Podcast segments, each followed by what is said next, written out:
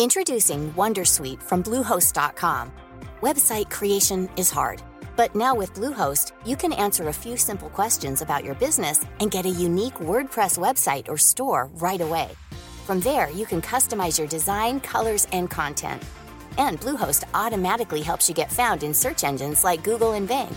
From step-by-step guidance to suggested plugins, Bluehost makes WordPress wonderful for everyone. Go to bluehost.com/wondersuite.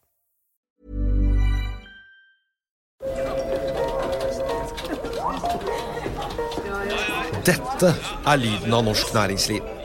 Akkurat nå tas det små og store valg som kan bli avgjørende for fremtiden. Med økonomisystemet X-Leger tas disse beslutningene basert på informasjon i sanntid, slik at drømmer og ambisjoner kan bli virkelighet. Få kontroll og oversikt, gå inn på xledger.no. Denne sendingen er sponset av Xleger.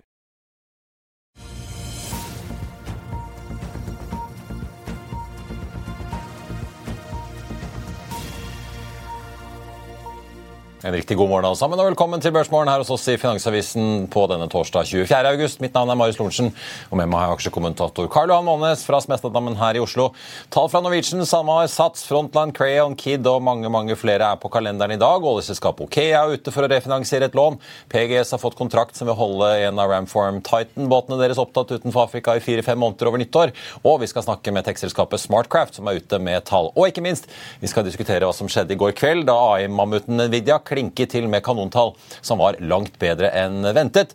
Betyr det at teknologifesten i aksjemarkedet nå bare vil fortsette? Det må vi selvfølgelig diskutere mer om litt senere i sendingen. Hovedindeksen på Oslo Børs endte ned 0,6 i går. I dag venter DNB og Nordnett at vi, ser, at vi vil se da en oppgang på mellom 0,5 og 0,7 fra start. Det har gått veldig bra i de asiatiske markedene nå i morgentimene. Hang Seng i Hongkong opp over 2, SMP Asia-indeksen 2,6. Nikkei ligger etter, men fortsatt likevel opp da 0,9 etter at vi har hatt noen litt surere dager bak oss eh, tidligere denne måneden.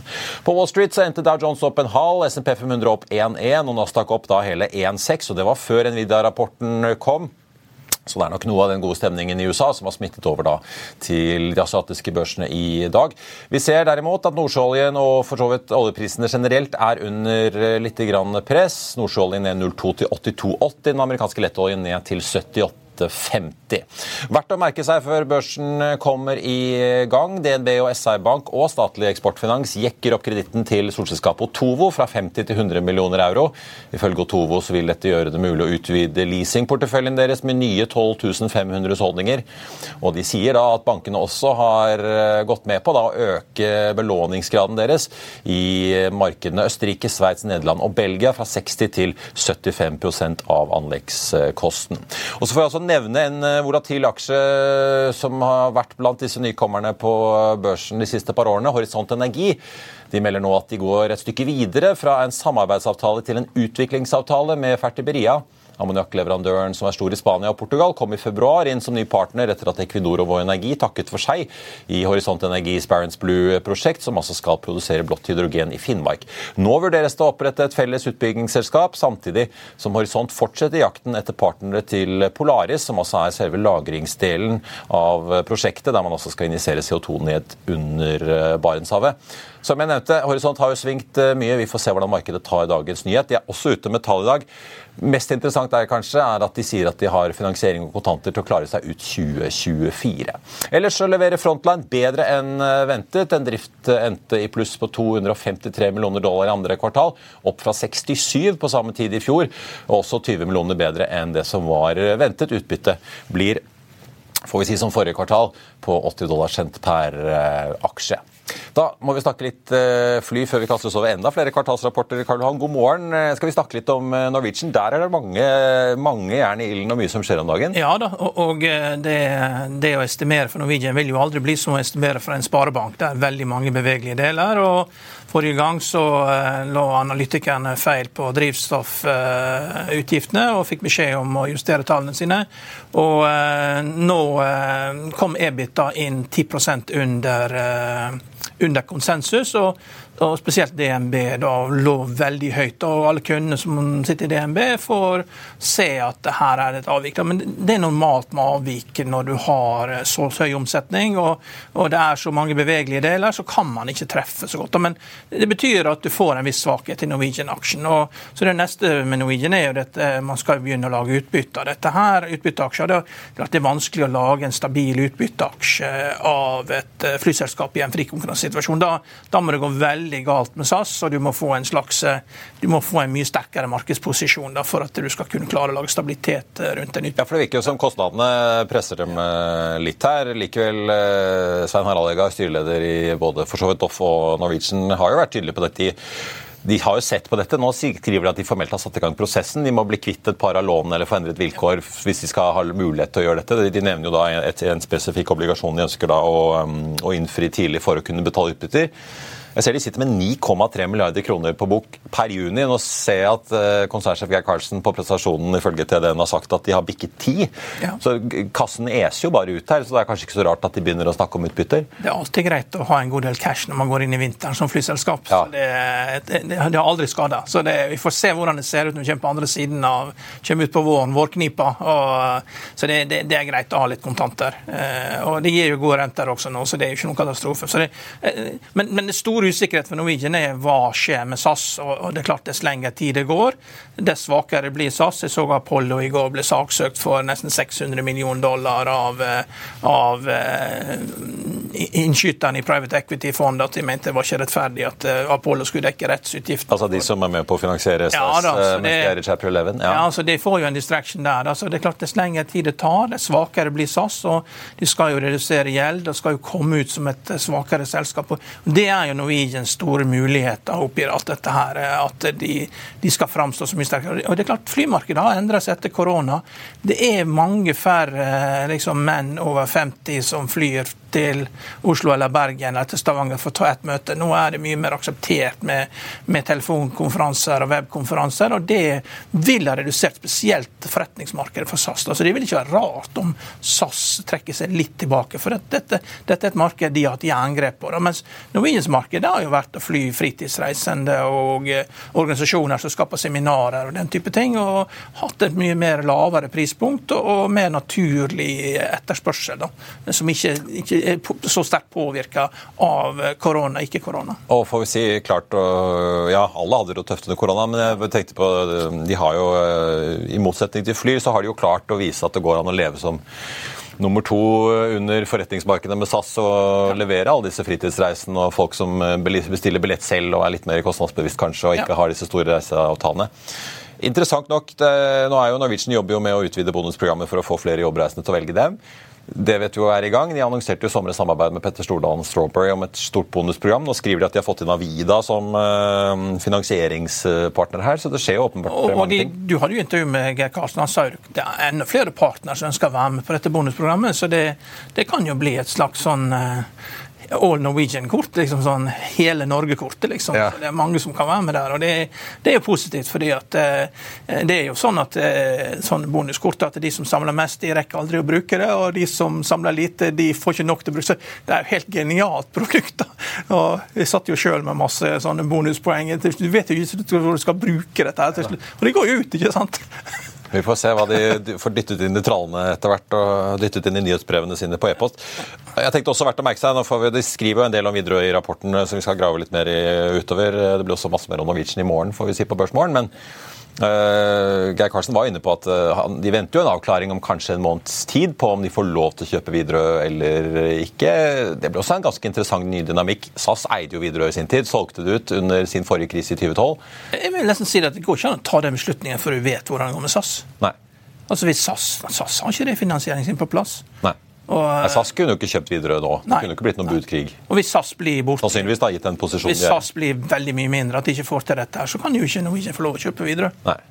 Så det er, her er litt eh, Og det, det, tror jeg nok de skjønner, altså. Det, men, men, eh, ja.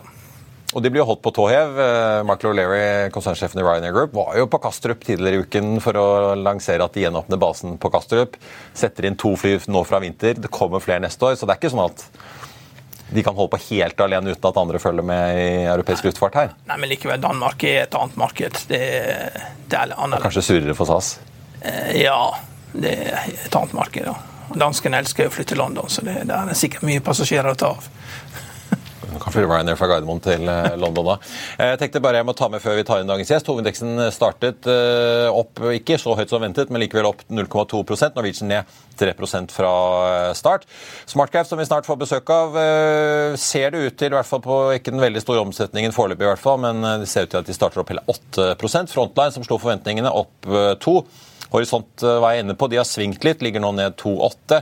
Otovo, som får økt kreditten sin fra DNB, SR Bank og Eksfin, de ligger opp 2,3% Foreløpig lite reaksjon i SAS-aksjen etter at Eikrival Norwegian altså kom med sine tall. Vi må også innom eh, treningssenterkjeden Sats, som er ute med sine tall. Viser en bedring i bruttodriftsresultat eh, fra 4,51 til 4,91 da, mot samme periode i fjor. Det var ventet 4,50, så en god del bedre da enn ventet fra Sats. Og så tenkte jeg også for så vidt bare ta med at den starter opp halvannen prosent. Crayon også ute med sine tall. De øker resultatene litt grann, til et justert resultat på 351 eh, millioner. Inntektene økte fra 1,4 til 1,7 milliarder, så en god omsetningsvekst, da, men uten noe særlig marginvekst. En annen eh, aktør som er ute med tall, stiger halvannen prosent i dag. Kid de kommer med tallene da etter at de i går annonserte planene om å samle all lagervirksomhet på sitt eh, felleseide lager med storaksjonær Bjørn Rune Gjelsten i Sverige. I andre kvartal så falt omsetningen til Kid-gruppen med 0,8% men de sier at det bedret seg i juni da på tampen av kvartalet. Bruttomarginen tikket oppover til 62 grunnet da normalisering i fraktrater og at de har økt prisene ut i butikk og får full effekt av dette. Likevel så kan man se i regnskapet at økte husleier, lønnsvekst og andre kostnader legger et press da på inntjeningen. Kid har for øvrig åpnet eh, to pilotbutikker til, som er av den nye større varianten med et større vareutvalg. Kid skriver at de er så fornøyd med resultatene så langt at dette nå skal rulles ut på nett og også i deres da Hemtex-kjede i eh, Sverige. Vi er straks tilbake med dagens gjest Smartcraft rett etter dette. Vil du bli oppdatert på det viktigste som har skjedd innen finans og næringsliv? Da er det bare å følge med, for hver morgen er jeg, Marius Lorentzen og aksjekommentator Karl Johan Malnes på plass i studio for å ta tempen på dagens marked i Børsmorgen. Og hver ettermiddag oppsummerer vi alt du trenger å vite i økonominyhetene, og det blir selvfølgelig masse interessante gjester. Klikk deg inn på fa.no-tv, eller søk opp Børsmorgen og Økonominyhetene der du hører på podkast.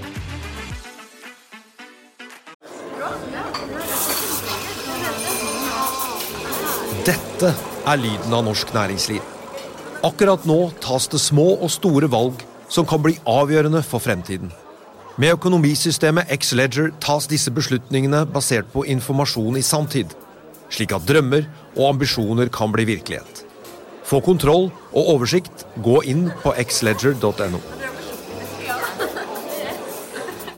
Denne episoden er sponset av van Brun, en fremtredende smykkeforhandler kjent for sitt brede utvalg av forlovelsesringer, gifteringer og diamantsmykker som bæres og elskes i generasjoner. Et frieri er en av de største øyeblikkene i livet, hvor forlovelsesringen er et tidløst symbol på kjærligheten. Valg av ring krever omtanke for både hvilket metall og diamant, med et bredt spekter av både naturlige og labdyrkede diamanter, og metaller som platina, gult gull, hvitt gull og roségull, hjelper de deg med å sette et personlig preg på din kjærlighetshistorie. Van Brun vil gjerne invitere deg til å prøve på tre av dine favorittringer fra nettsiden helt kostnadsfritt. Du kan også låne et bredt spekter av frieriringer, slik at du og din forlovede kan velge en ring sammen etter det store ja. Van Brun tilbyr 90 dagers åpent kjøp og 90 dagers gratis størrelsesjustering. Utforsk deres eksklusive sortiment i luksuriøse omgivelser. Bok en konsultasjon sammen med en diamantekspert i deres showroom i Oslo. Eller online på vanbrun.com. V-a-n-b-r-u-u-n.com.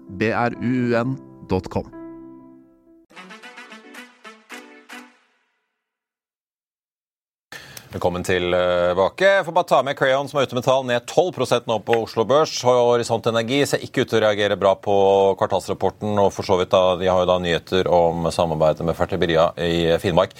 Ned nesten 7% nå. Men nå skal vi snakke får jeg si, programvare, teknologi og byggebransjen. Vi har nemlig fått besøk av Gustav Line i Smartcraft, som er ute med kvartalstall eh, i dag. God morgen og velkommen. Takk for det. Rett ut fra presentasjonen får jeg si, hos uh, våre kollegaer i andre siden av bygget her. Eh, jeg beskrev dere som et programvareselskap for, eh, som spesialiserer dere på byggenæringen eh, her i går. Er det omtrent det dere driver med? Kan ikke du forklare litt? Jo, vi er et softwareselskap som leverer software til byggenæringen. Og det handler om å ta tak i det som er virksomhetskritisk for disse bedriftene. Det er hovedsakelig SMB-bedrifter vi jobber med. Og de har jo Det de mangler, det de trenger, det er jo oversikt og kontroll. Så vi hjelper dem å få kontroll over menneskene eh, som er ute i felt, og materialene de bestiller, sånn at de kan få materialer til riktig kvalitet og riktig margin. Og eh, all den dokumentasjonen som hører hjemme når du skal eh, jobbe på et prosjekt. Det, det er liksom kvalitetssikring og HMS og den type ting. Det er masse masse dokumentasjon som har kommet til det siste. Så flyten av informasjon mellom liksom, folk ute i felt, materialer og dokumentasjonen, det er det vi håndterer i våre løsninger. Som veldig kort fortalt. Dere opererer i segmentet si, under vei, veidekkene i denne verden? da, Mer de mindre lokalentreprenørene, rørleggerne, elektrikerne? Ja, Det vi leverer, det er standardisert software som passer typisk for eh, SMB-bedrifter. Det er jo de det er flest av i Norge, tross alt. Eh, så det, det, er vårt hovedsegment. Eh, standardisert software eh, som vi selger som en tjeneste. Så vi har jo en høy andel av det vi kaller for repeterende inntekter. Det er liksom vår. Recurring revenue på godt norsk? Ja. ja. for det er nesten altså, 96% av omsetningen? Ja. ja, riktig. Så du lever av abonnementsinntekter eller lisensinntekter, rett og slett? Ja, vi, vi, ehm, vi, gjør det. Så vi har jo nå lagt bak oss et kvartal som har vært eh, veldig bra. Vi har jo da økt våre abonnementsinntekter eh, med 21% til 358 millioner. Vi har en all time high eh, EBITDA-nivå på 44 Eh, og Samtidig så er jo churn det er jo tross alt liksom et litt turbulent marked, så er churnen vår som kunder som forsvinner, da, på, på 7% som er et eh, konstant og veldig bra nivå da, å ligge på. Så har vi jo en cash conversion som også, også viser litt hva slags modell vi har. Eh, solid modell som da ligger på 150% økning i forhold til eh, samme kvartal i fjor. Så vi har lagt bak oss et veldig, veldig bra kvartal. Um, jeg kan jo si litt, altså når, du, når vi har en repeterende inntektsmodell, så er det jo noe vi velger bort, og det er de ikke-repeterende inntektene. Det er, er, det da altså engangsprosjekter for å lage ja, spesialløsninger for enkeltaktører, eller? Ja, si, det som er unikt med god software, etter min mening, det er at god software det, det, skal ha høy grad av repeterende inntekter, det skal ha høy vekst, og det skal ha lav uh, kundefrafall. Og det å ha høy grad av repeterende inntekter, sånn som vi har, det betyr at det er mange ting vi sier nei takk til. Vi sier nei takk til alt som ikke er en del av vår liksom, core business, altså den kjernebusinessen. Eh, vi setter bort det til andre, sånn at vi skal fokusere bare på liksom, mennesker, materialer og dokumentasjon. Og så skal vi jo hjelpe kundene i gang. Da, så alt sånn setup og installasjon og opplæring og alle de tingene der som er ganske behagelig, fordi du kan jo fakturere kundene etter at de har signert. Det har vi sagt at det, det ønsker vi ikke i det hele tatt. Kunden skal ha en det skal være enkelt å kjøpe løsningene, det skal være veldig sånn trygt og godt. Du skal vite hva du betaler for, og det skal være en, en hyggelig avgift per måned du betaler. Og så skal du ikke ha disse ekstra kostnadene. For det driver oss i feil retning som selskap. Da lager vi nesten sånn dårlig software, for vi er jo avhengig av å få disse engangsinntektene. Inntektene på support. Ja, så det, ja. Men øh, Da jeg leste regnskapet deres øh, Vi har nok av eksempler Karl Johan, på Oslo Børs over selskaper som øh, snakker veldig mye om ARR-en sin. og så Når du blar langt nok ned, så viser det seg at de går i minus. Men dere går jo faktisk med et pent overskudd. Økte det som sådan fra i fjor. Ja. Kan du si litt om hvordan dere prioriterer da pengebruken? For dere har åpenbart litt å gå på. Dere kunne jo brukt enda mer penger antar jeg, på markedsføring, ansette flere selgere. Ja da, og det... Eller å være enda mer aggressiv på hugget på vekst, da, selv om dere vokser ganske mye? Ja, og det, For det første så syns vi det er en grei posisjon å være i å tjene penger og ha, ha penger på bok. Det syns vi er ok nå eh, i disse dager. Eh, men en annen ting er vi ønsker disiplin i selskapet på å ha eh, forståelse for return on investment for alt vi gjør. Altså, bruker vi ressurser på noe, så skal vi ha noe igjen. Og Den disiplinen tror vi er veldig viktig. så det at den disiplinen liksom kombinert med, med vekst, liksom en vekstønske og kostnadskontroll, det tror jeg gir oss de marginene vi ønsker. Og Så kan man jo si Burde vi investere mer?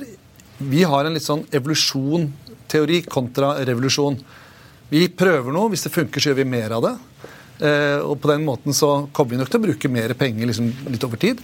Men, men, da er det kanskje noe annet vi bruker mindre penger på. Så Vi vil gjerne ha høye marginer. Vi mener det gir en styrke og gir oss også en, en muskel når vi skal eh, eventuelt kjøpe selskaper også. Men, men, det er klart, nå, norsk økonomi det har vært mye boligbygging, det har vært mye bygg av offentlig sektor. Nå skal det kanskje entreprenørene bygge mer veier og jernbanebroer. og Så vil dere da kunne følge folkene ettersom økonomien da vrir seg over mindre boligbygging og mindre praktbygg skal bygges.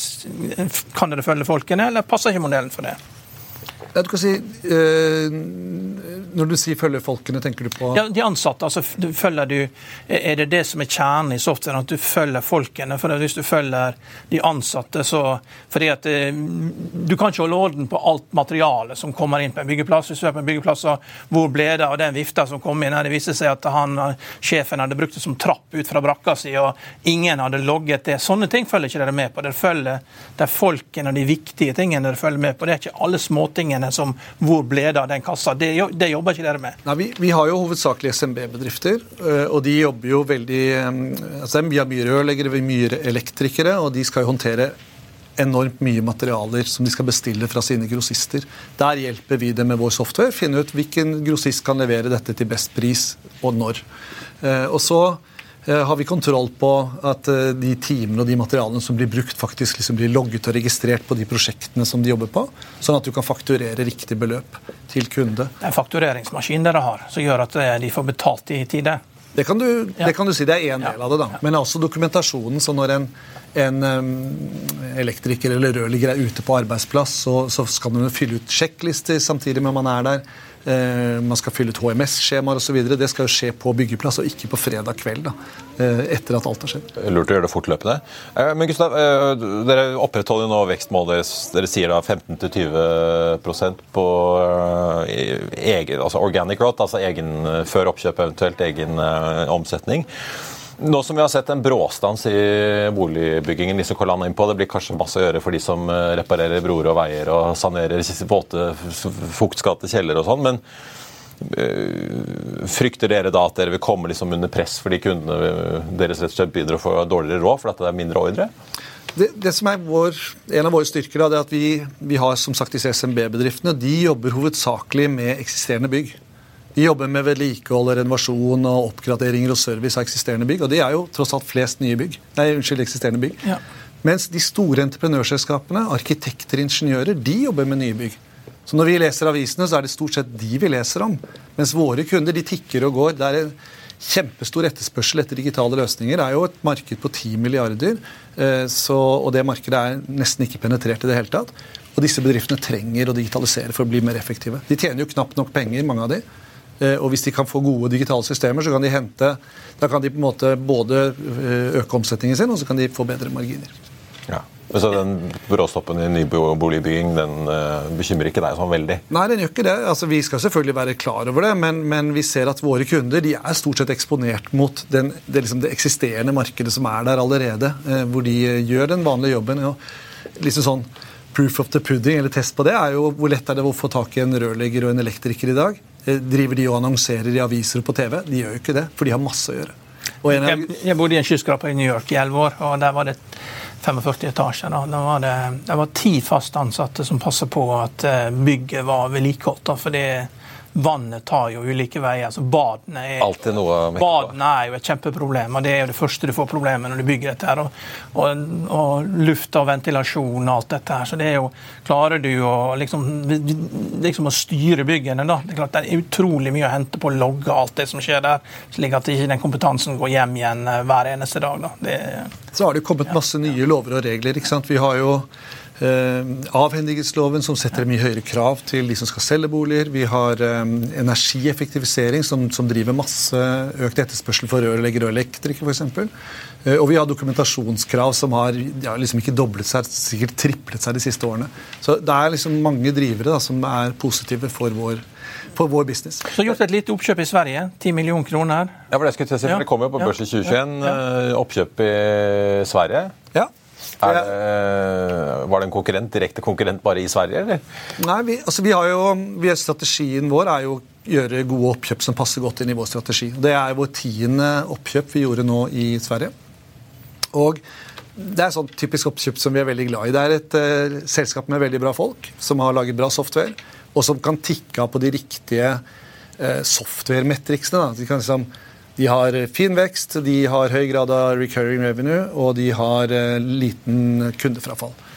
Og Da tenker vi som dette er veldig bra. Og så har de også noe som komplementerer oss, som gjør at vi kan krysselge løsningen også på tvers. Så jeg ser på det som en kjempespennende mulighet. Oversetter norsk og pakkeselger? Ja, for eksempel. Ja. Men eh, hvordan ser egentlig konkurrentbildet deres ut? da? Jeg vet jo, altså, Det er jo litt sånn ulike eh, ting man har sett i dette segmentet opp gjennom årene. Vet jo, Telenor er blant de aktørene som har snust litt på Men det er vel mer sånn overvåking og drift av bygg. Mm. Men har dere noen sånn veldig store direkte konkurrenter, opplever dere? eller? Det, det Markedet er jo veldig fragmentert eh, egentlig i hele Europa. Det er, det er Smartkraft er en av de som står frem som liksom en litt større aktør i Norden. Eh, vi har noen andre aktører eh, i Norden også. Vi har Admicom i Finland og vi har Håndverksdata i Sverige. I Norge så var jo Visma en sterk aktør. De har liksom tonet ned sin satsing. Eh, så sånn sett så er, er, markedet ganske åpent og bra fra vårt ståsted. Det er en del unge miljøer som starter opp med gode ideer og sånt, men det tar tid å bygge god software som har liksom hvor du kan repetere og, og, få det til å fungere hos mange kunder samtidig. Det er ganske komplekst, og vi har jo tusenvis av årsverk som ligger bak vår software. Så det er ikke så innmari lett å, å kopiere på kort sikt. Er det det amerikanske selskapet ServiceNow som ligner mest på det dere holder på med?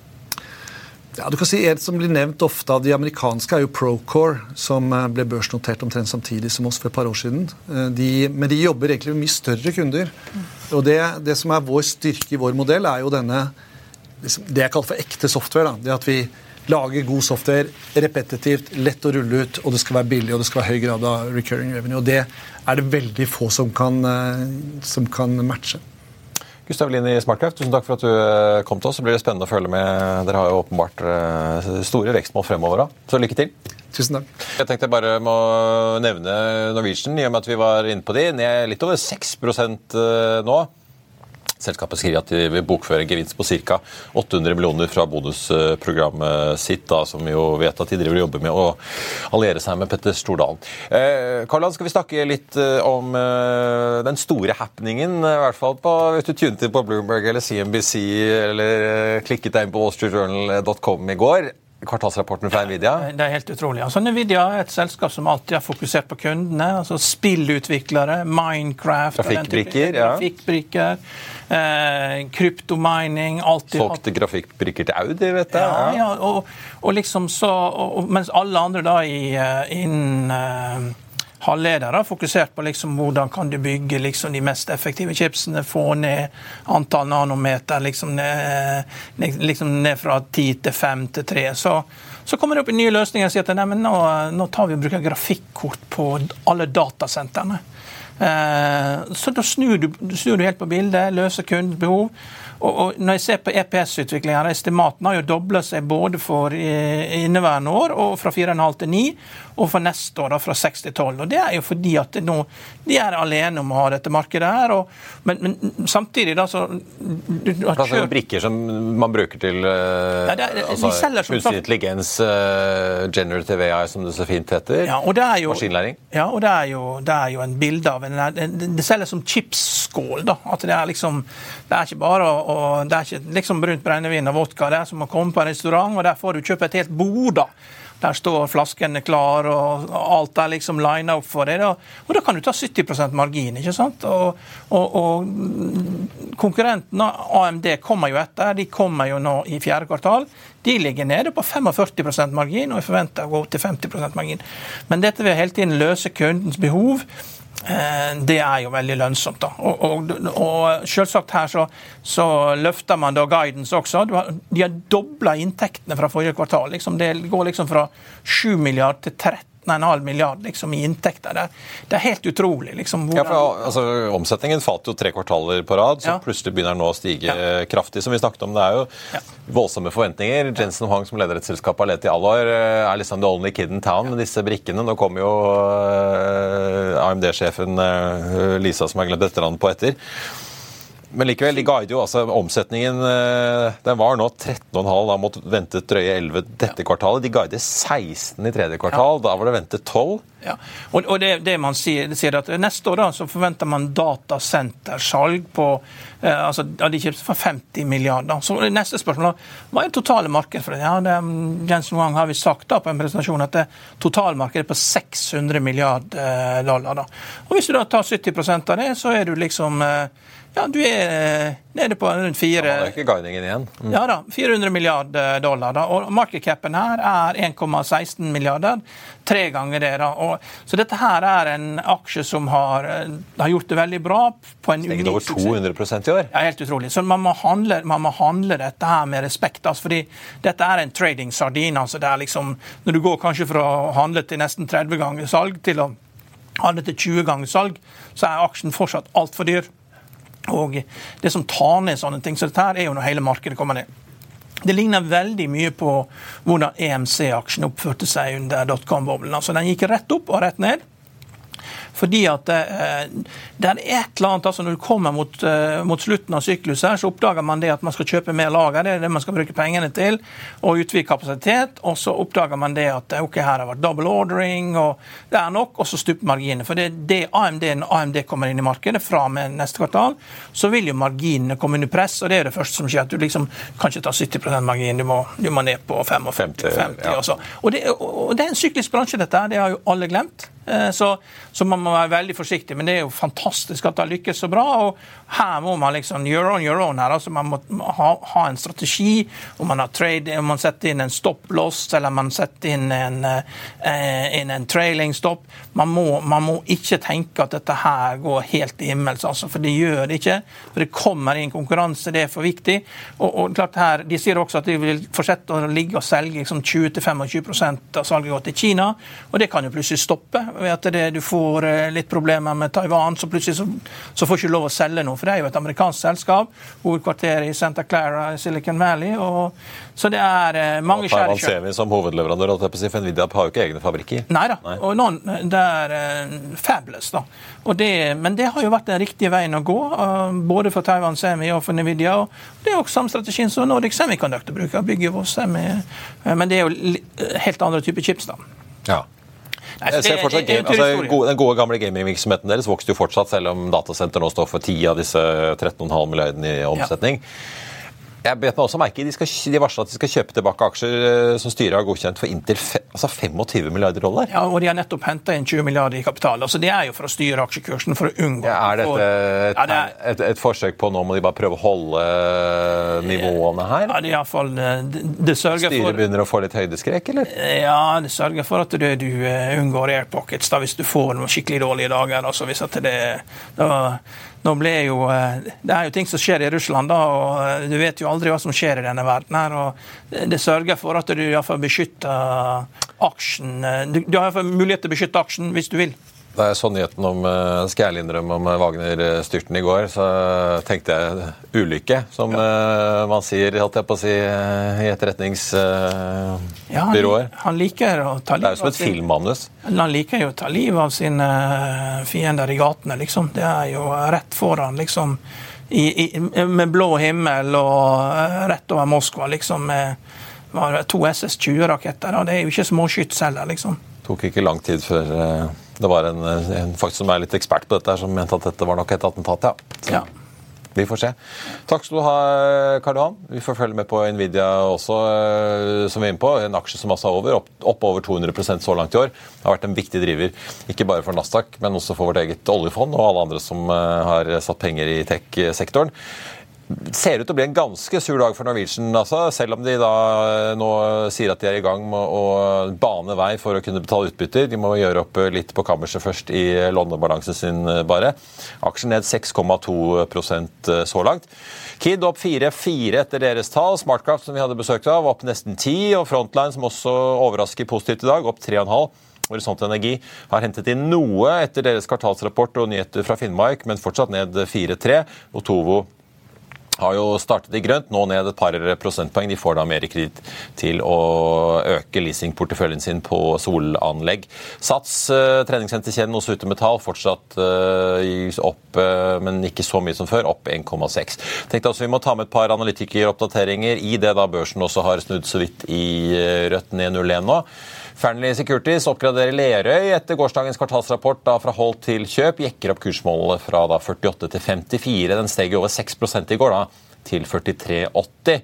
Og Pareto har regnet litt på eh, shipping. De tar og oppgraderer 2020 Bulkers fra hold til kjøp og oppjusterer kursmålet fra 98 til 105. Pareto tar også og nedgraderer Bellships fra kjøp til hold og nedjusterer kursmålet der fra 22 til 19. Så får vi se hvordan eh, Wall Street aksjemarkedet og Nvidia-aksjen går utover dagen når handelen kommer i gang hos våre amerikanske venner om eh, en seks eh, timers tid og ett minutt, for å være helt nøyaktig. Det var i hvert fall børsmålen for denne 24. august. Husk å få med deg Økonominyhetene 14.30. Vi får besøk av Simen Liung, sjefen i Odfjell Technology, som er ute med sine tall i dag. I mellomtiden så får du siste nytt på FA1 og gjennom hele børsdagen. Ha en riktig god torsdag alle sammen. Vi ses.